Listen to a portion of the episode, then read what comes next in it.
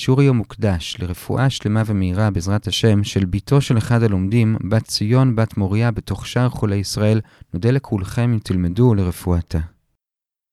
שלום לכולם, כאן אורי בריליאנט מאתר sny.org.il ואנחנו לומדים את דף ל"ו במסכת נדרים. נתחיל בשליש העליון של עמוד א', נסיים שש שורות לפני סוף עמוד ב', השיעור היום יהיה רבע שעה. היום נחלק את השיעור לשני חלקים. החלק הראשון עוסק בנקודה שראינו אתמול תוך כדי הדיון, החלק השני מחזיר אותנו למשנה. אז החלק הראשון, במילה גופה, נזכיר שאתמול ראינו עיקרון של רבי יוחנן, וזה כל הקורבנות צריכים דעת, חוץ ממחוסר הכפרה, ששם לא צריך דעת. כלומר, אם אתה צריך להביא איזשהו קורבן, נגיד התחייבת בחטאת, או היית מצורע, או קורבן תודה, ואני רוצה להביא את הקורבן בשבילך.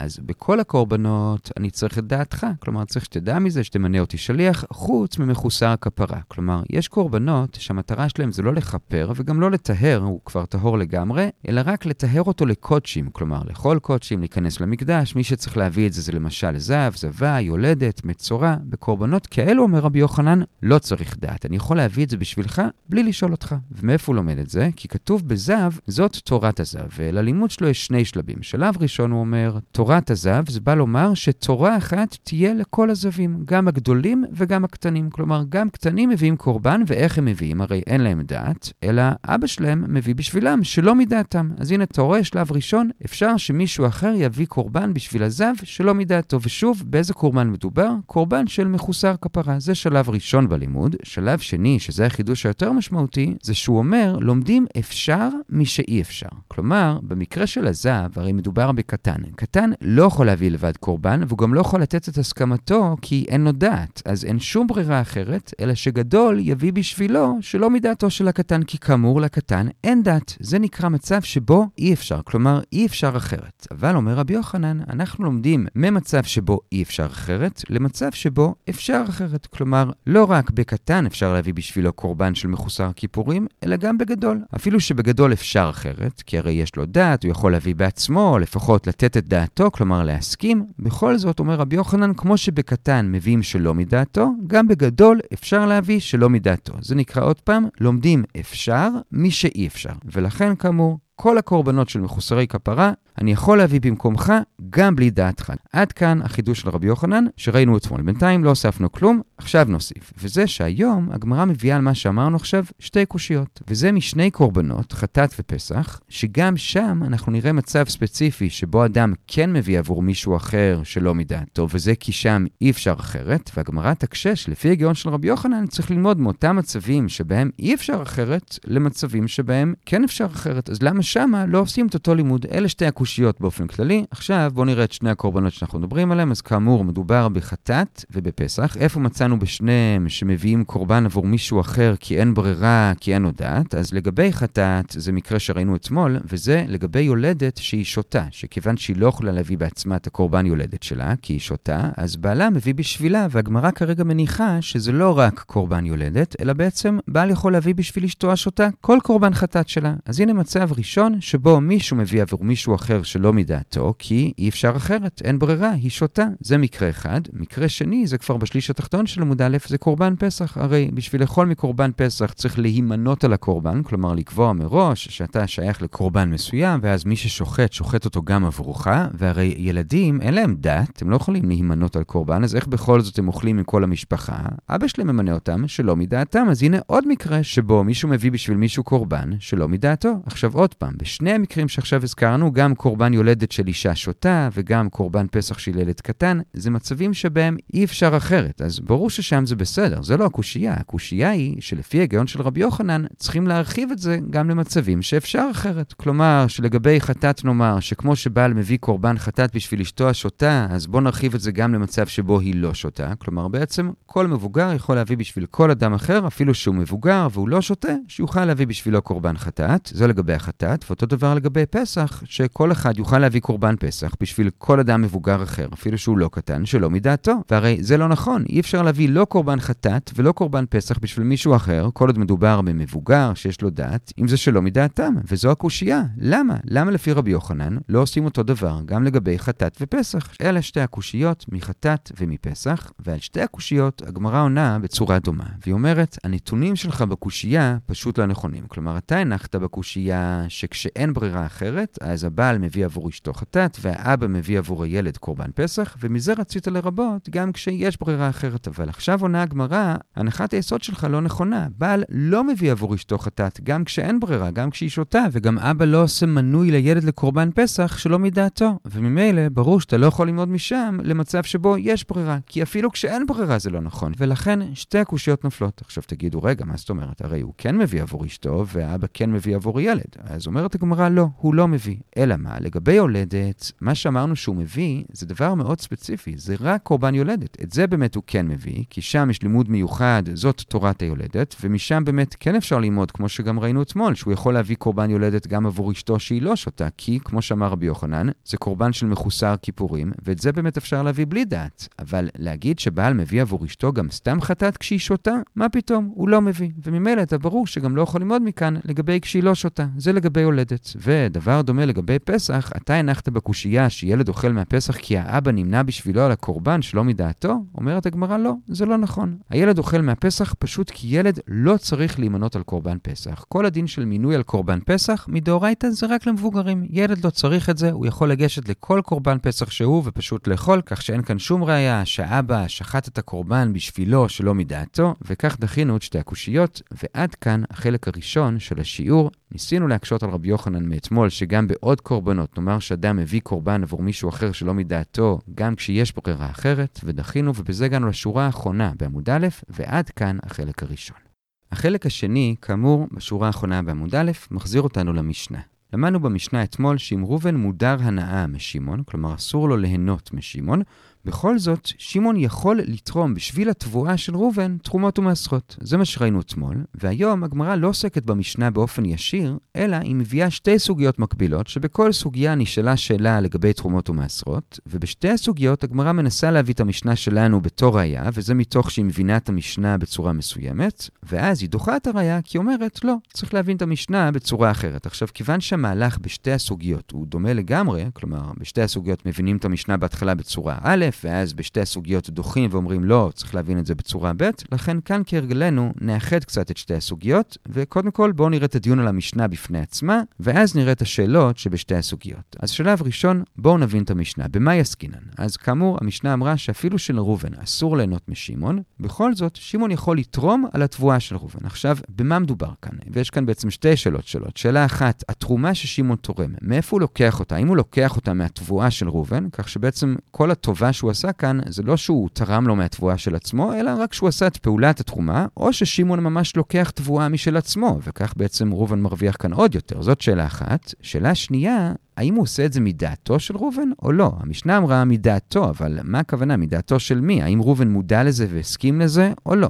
אלה שתי השאלות שאנחנו צריכים לענות, וכיוון שיש כאן שני משתנים, כלומר משתנה אחד של מי התבואה שהוא תורם, ומשתנה שני, האם זה מדעת הבעלים או לא, אז שני משתנים כפול שני משתנים זה בעצם ארבע אפשרויות. נעבור על האפשרויות אחת-אחת, ונראה שלכאורה לפחות כל האפשרויות לא מסתדרות במשנה, חוץ מהאפשרות האחרונה. אז שתי האפשרויות הראשונות זה שהוא תרם מהתבואה של בעל הקרי, כלומר בעל התבואה ראובן, אלא שאפשרות אחת זה שהוא עשה את זה מדעתו שלו עצמו, בלי לשאול את ראובן, אפשרות שנייה זה שהוא שאל את ראובן. אז אומרת הגמרא, שתי האפשרויות האלו לא טובות. למה? כי אם הוא לא שאל את ראובן, אז על זה ודאי שהמשנה לא מדברת, כי הוא בעצם לוקח את התבואה של ראובן ומפריש אותה, זה ודאי שאי אפשר לעשות אם ראובן לא מינה אותו שליח, זה פשוט לא יתפוס, בלי קשר לזה שהוא מודר הנאה, התרומה עצמה לא תתפוס. אז אם הוא לא שאל אותו, זה ודאי לא מסתדר, ואם הוא כן שאל אותו, זה כן מדעתו, אז מבחינת תרומה זה תופס, כי הוא בעצם שליח שלו, אבל זה עדיין לא מסתדר במשנה, כי הרי המשנה אמרה שזה מותר, והרי אם לראובן אסור ליהנות משמעון, אז שמעון לא יכול להיות שליח של ראובן, ראובן הרי נהנה מזה שהוא מקיים את השליחות שלו, אז גם זה לא יכול להיות. אז שתי ההבנות הראשונות, שזה מהתבואה של בעל הקרי, זה נופל, ואנחנו עוברים לשתי ההבנות הבאות, שזה מהתבואה של התורם עצמו, ועוד פעם צריך לשאול, מדעת מי זה? אז אם זה היה מדעת בעל הקרי, כך ששמעון לקח פירות משלו, ובעל התבואה ראובן הסכים לזה, אז גם זה כמובן כמובן תופס, אבל אסור, כי שוב, הוא עושה את השליחות שלו, ולא רק זה, הוא גם נותן פירות במקומו, אז ודאי שראובן נהנה מזה, וזה אסור, הוא מודר הנאה.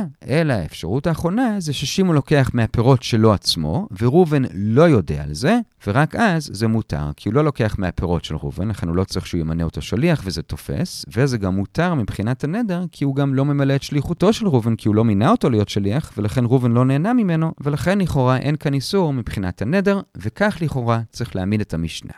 עכשיו תשאלו, מבחינת הנדר, עדיין לכאורה זה בעייתי. נכון שראובן לא נהנה מזה שהוא מילא את שליחותו, כי הוא לא מינה אותו שליח, אבל עדיין הוא כן נהנה מזה שראובן פשוט תורם בשבילו. אלא מסביר הרשב"א, וזה מחזיר אותנו למה שלמדנו לפני שלושה ימים בדף ל"ג, שגם את המשנה הזאת, כמו את המשנה שם בדף ל"ג, צריך להעמיד כמו דעת חנן. שחנן אומר שאם אני משלם בשבילך חוב שלך, אפילו שאתה ממילא צריך לשלם אותו, זה לא נקרא שנתתי לך משהו, ולכן גם אם אסור לך ליהנות ממני, זה מותר. ולכן גם כאן, אמנם שמעון בזה שהוא נתן לכהן במקום ראובן, הוא בעצם חסך לראובן פירות, אבל עדיין, זה לא נקרא שהוא נתן לראובן משהו, ולכן זה מותר אפילו שראובן הוא מודר הנאה. ועד כאן השלב הראשון, הבנו לפחות בינתיים במה עוסקת המשנה. ועכשיו לשלב השני.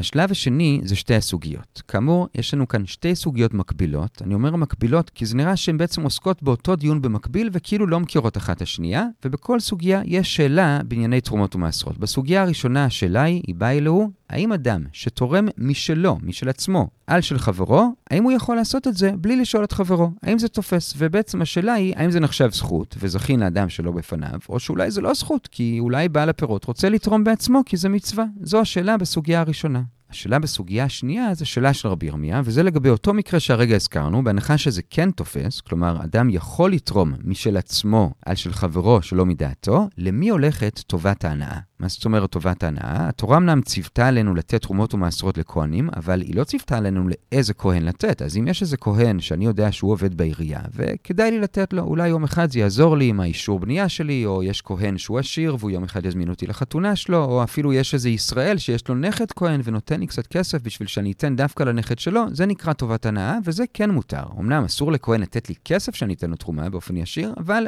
דברים עקיפים יותר, כמו שהזכרנו, זה מותר, והשאלה היא, למי הולכת הזכות הזאת. כלומר, אם אני תורם משלי בשבילך, אז האם אני מחליט למי אני אתן, או שאחרי שהפרשתי, אני צריך ללכת אליך ולהגיד, אה, סליחה, למי אתה רוצה לתת? אלה שתי השאלות בשתי הסוגיות, ועל שתי השאלות עונה הגמרא כאמור מהמשנה שלנו, כי איך שהסברנו את המשנה מקודם, המשנה עוסקת בדיוק במקרה הזה, הרי כאמור אמרנו שהמשנה עוסקת ששמעון לוקח מהפירות של עצמו ותורם עבור התבואה של ראובן, והוא עושה את זה שלא מדעת ראובן, ומזה אפשר לענות על שתי השאלות. כלומר, קודם כל על השאלה הראשונה אפשר לענות כן, זה תופס, הנה במשנה שלנו זה תופס, וב' על השאלה השנייה גם אפשר לענות שטובת ההנאה הולכת לעצמו, לשמעון, לזה שתורם, ולא לראובן בעל התבואה. למה? כי הרי אם הטובת ההנאה הייתה הולכת לראובן, אז יוצא שראובן בכל זאת כן נהנה משמעון, והרי אסור לו, הוא מודר הנאה ממנו, אלא כנראה שטובת ההנאה לא הולכת לראובן בעל התבואה, אלא לשמעון התורם. אז הנה, ענינו מהמשנה שלנו על שתי השאלות. זה לכאורה, אבל כאמור, דוחה הגמרא בשתי הסוגיות לא כל כך מהר.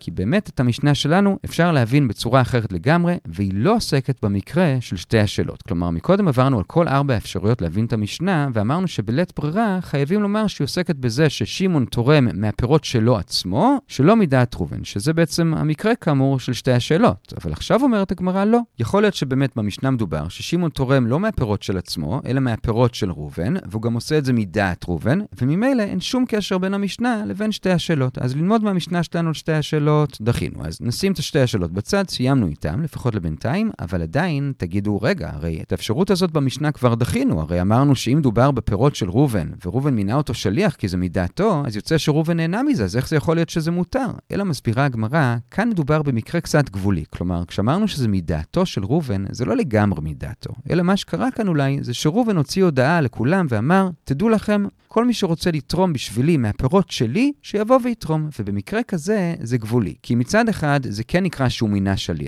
כך שאם שמעון יעשה את זה, זה באמת יתפוס, אבל מצד שני, הוא לא מינה את שמעון באופן ספציפי כשליח. וממילא, זה ששמעון עושה את זה, זה לא נקרא שראובן נהנה עכשיו מזה ששמעון מילא את השליחות שלו, כי הוא הרי לא מינה אותו שליח באופן אישי, ולכן גם אין כאן בעיה של מודר הנאה. כלומר, עוד פעם, מצד אחד זה כן מינוי שליחות, כך שזה כן תופס, מצד שני זה לא לגמרי מינוי שליחות, כך שאין כאן איסור מצד זה שהוא מודר הנאה, ובזה המשנה עוסקת, וממילא אין כאן שום קשר לשתי השאלות שעלו בשתי הסוגיות, ועד כאן השלב השני של החלק הזה.